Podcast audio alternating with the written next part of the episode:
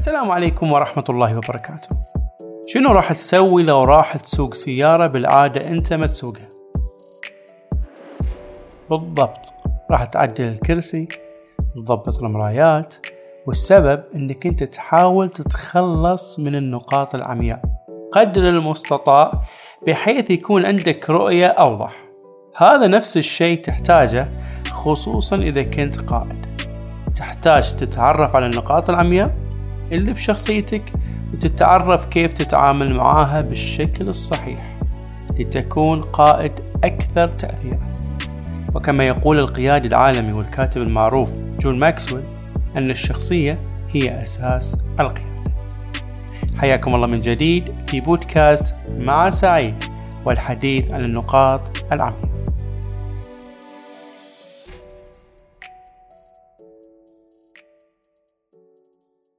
أنت عزيزي المستمع وكقيادي تسعى بالتأكيد بأن تكون ناجح راح تطمح أنك تتعرف على النقاط العمياء الخاصة فيك تتعامل معها بطريقة تقلل من أثرها وأنا بدوري راح أساعدك في هذه الحلقة على هذا الأمر عن طريق طرح ثلاث محاور تعرف النقاط العمياء؟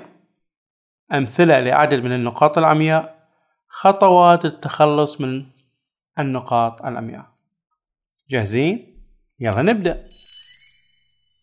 أول محور شنو نقصد بالنقاط العمياء؟ لو قربنا المعنى بالسيارة راح نفهم أن النقاط العمياء للي يسوق هي المناطق اللي ما يقدر يشوفها ويحتاج للمرايات كعامل مساعد. أما بالنسبة لك كقائد فالنقاط العمياء هي المنطقة اللي ما تشوفها غالبا في نفسك بشكل واقعي. يعني هي سلوكيات أو عادات ما تنتبه عليها بالعادة أو تعتقد أنها صحيحة. بحيث عدم وعيك بهذه المنطقة أو السلوكيات يسبب بالعادة ضرر كبير لك أو من هم حولك. خليني أعطيك مثال تقريبي. لو افترضنا عندنا قائد يحب التفاصيل بشكل كبير وحصل بالشركة شيء يحتاج هذا القائد ياخذ قرار سريع. هنا ممكن يطلب معلومات كثيرة قد ما يحتاجها لاتخاذ القرار لكن حبه للتفاصيل يخليه يعتقد إنه هذه المعلومات يحتاجها والنتيجة راح يتأخر بالقرار وممكن هذا التأخير يؤدي إلى ضياع فرصة موجودة في السوق أو ضرر على الشركة نفسها. والحين ودي أذكر لك بعض الملاحظات تحطها في بالك. معظم الناس عندهم نقاط عمياء. لذلك راح يكون لها تأثير أثناء التعامل والتواصل مع الآخرين. إحنا نشوف أنفسنا من خلال النية والاعتقاد اللي بداخلنا. لكن بالمقابل نشوف الآخرين من خلال أعمالهم وسلوكياتهم. طبعا هذا الشيء ممكن يعطينا تصور ناقص عن الموقف اللي إحنا نشوفه من الآخرين. بعبارة أخرى انت راح تفسر سلوكيات الآخر حسب منظورك الخاص وما تعتقده عنه. وليس من منظورهم. يعني بالنتيجة ممكن ما تكون عندك الحقيقة كاملة. أكو مثال أجنبي لطيف. يقول put yourself put yourself in my shoes. والمعنى ضع نفسك بمكاني وهي محاولة بأن ترى الآخرين بمنظورهم وليس بمنظورك. أخيرا أي شيء يرتبط بالقائد يكون عادة تأثيره مضاعف ويضخم. لهالسبب إذا أنت قائد آه ما كان عندك وعي كافي بالنقاط العمياء راح يكون أي أذى محتمل كبير عليه أو اللي على حاله.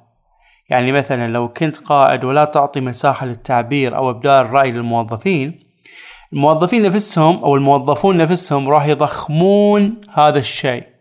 ويشعرهم بعدم أهميتهم. أكثر من أن يكون هذا الشخص مجرد موظف مثلهم. فكر فيها. المحور الثاني. أمثلة لعدد من النقاط العمياء. المثال الأول. هو النظر للأمور من منظور واحد فقط. يقال إذا كانت الأداة الوحيدة التي لديك هي المطرقة فأنت تميل إلى رؤية كل مشكلة على أنها مسمار. إذا كان هناك قائد يرى الأمور فقط من منظوره الخاص فراح تلاحظ أنه ما يستمع لموظفينه. يقاطع من يحاول أن يعطي رأيه. يرى نفسه فقط من يفهم الأمور والآخرين مجرد أدوات التنفيذ. يعطي الأحكام والقرارات حتى لو كان يدري إن ما بعد يفهم الموضوع صح. أسلوبه يميل للدكتاتورية. المثال الثاني. قائد لا تشعر بالأمان عند التعامل معه. هذا النوع من القادة عادة يفكر بمصلحته بالدرجة الأولى. حتى لو كان هذا الشيء على حساب الموظفين أو الشركة اللي هو يشتغل فيها. عنده مشكلة بالثقة مع الآخرين.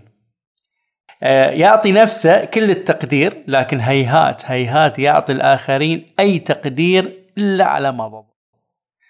ما يحب يشارك المعلومات. ما وده يشوف الآخرين يتطورون. بل ممكن يعتقد إذا تطور الموظف عنده يكون مقصر بعمله. يعني من وين الوقت يتعلم؟ أكيد صاحب على الشغل. يتبع أسلوب ال micromanagement الإدارة الدقيقة والتدخل بكافة التفاصيل حتى لو لم يستدعي الأمر ذلك. آه، ما يعطي صلاحيات بالعادة إلا بسيطة وضيقة. طبعا يحب ياخذ الآخرين عفوا يحب ياخذ من الآخرين أكثر مما يعطيهم. آه، يحمل مسؤولية أي مشكلة على الآخرين ولا يلقي أي مسؤولية عليه. نروح الحين للمثال الثالث. التقليل من قيمة الآخرين. بين قوسين القائد اللي يعطي القيمة الفعلية للآخرين ويشجعهم هذا راح يساهم باستخراج أفضل ما عند الموظفين. لكن القائد اللي يقلل من أهمية الآخرين راح يساهم سواء يدري أو لا يدري أن يكون عطاء الموظفين أقل ما يمكن ويؤدي بهم إلى الاحتراق الوظيفي. التحكم التام بالموظفين. يبيهم يخدمونه مثل ما هو يبي مو حسب ما تقتضيه مصلحة العمل. بالإضافة بتلاحظ أنه يقلل من إنجاز الآخرين ولا يهتم باحتياجاتهم حتى لو كانت هذه الاحتياجات أساسية في العمل. أما المثال الرابع هو القائد المغرور إلا عند الأنا العالية. هذا راح تشوف عنده إن عادة يتفاخر بنفسه وإنه أبو الريف عنده أرضية خصبة للوقوع بالأخطاء الكارثية. يعتقد أن ما يحتاج لا تدريب ولا أي تطوير. ما يبالي بالآخرين. يعني تخيل معي شخص يدعي إنه يعرف كل شيء ويقدر يسوي كل شيء. هو المسؤول عن كل شيء ويعطي نفسه استثناءات ومكانة خاصة. ويعتقد إن المكان اللي يشتغل فيه لا شيء من دونه. بالمختصر هذا اللي ودك تمسكه وتقول له خف علينا يا محور الكون. المثال الخامس هو القائد الذي لا يريد الخروج من منطقة راحته.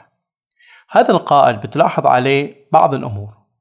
أول حاجة ما ياخذ قرارات فيها مخاطرة عادة حتى لو بدت له أن هي قرارات صائبة. مقاوم للتغيير. ما يطور من مهاراته. وليه أطورها دام أني أشوف نفسي بخير. هذا عذره إطار الزمني عادة يكون هو الإطار الحاضر فقط. وهذا يخليه يفقد واحدة من صفات القائد الرئيسية والمهمة ألا وهي رؤية المستقبل. طبعا هناك أمثلة أخرى لكن مجملا لو لاحظنا الأمثلة السابقة آه راح نشوف أنها تكون أحيانا هي نفسها صفات سلبية.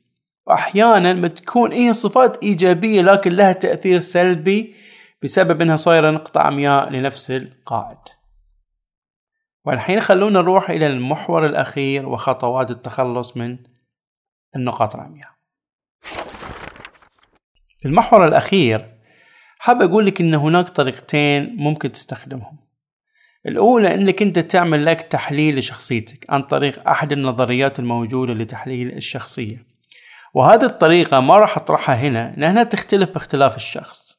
وإذا ودك تأخذ استشارة خاصة بتحليل شخصيتك تقدر تتواصل معي لأني أقدم هذا الخدمة.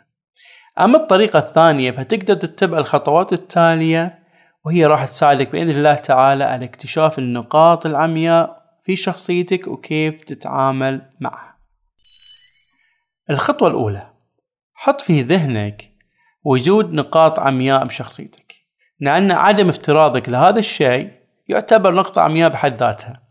كذلك عدم الإقرار بوجود الشيء يدعوك لعدم اتخاذ أي إجراء. إذا أنا ما أعتقد أن أنا فيني نقطة عمياء شو بسوي؟ أكيد ما راح أسوي شيء. الخطوة الثانية ضع لك قائمة بالأشخاص المقربين لك سواء بحياتك الشخصية أو معك في العمل. واللي يعرفونك بشكل كبير واسألهم أسئلة تصف سلوكياتك. مثل وصف لي كيف أتعامل عادة في العمل مع الآخرين؟ هل تلاحظ علي شغلات تتكرر معاي كثير وتضايقك؟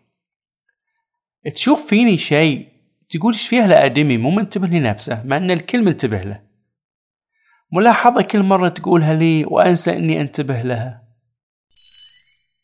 أما الخطوة الثالثة ضع لك قائمة بالأشخاص اللي تعتبرهم ضمن دائرتك الخاصة واللي تقدر تصارحهم.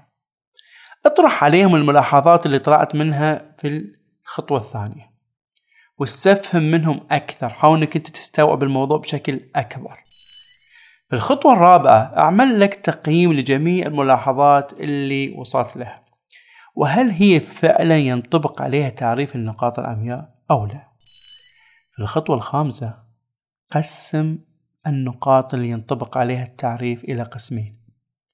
القسم الأول نقاط أقدر أتغلب عليها بتطوير مهاراتي الشخصية.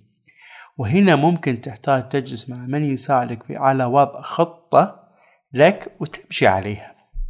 أما القسم الثاني نقاط أحتاج لأشخاص لكي أتغلب عليها.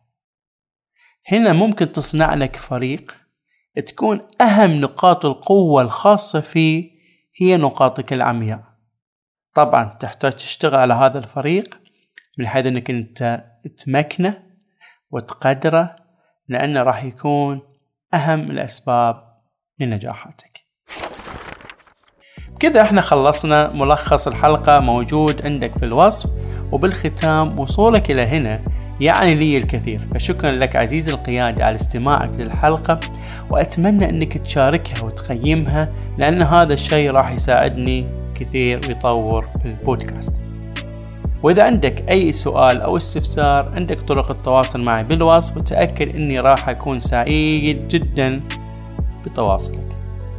نلتقيكم بإذن الله في الحلقة التالية وفي أمان الله.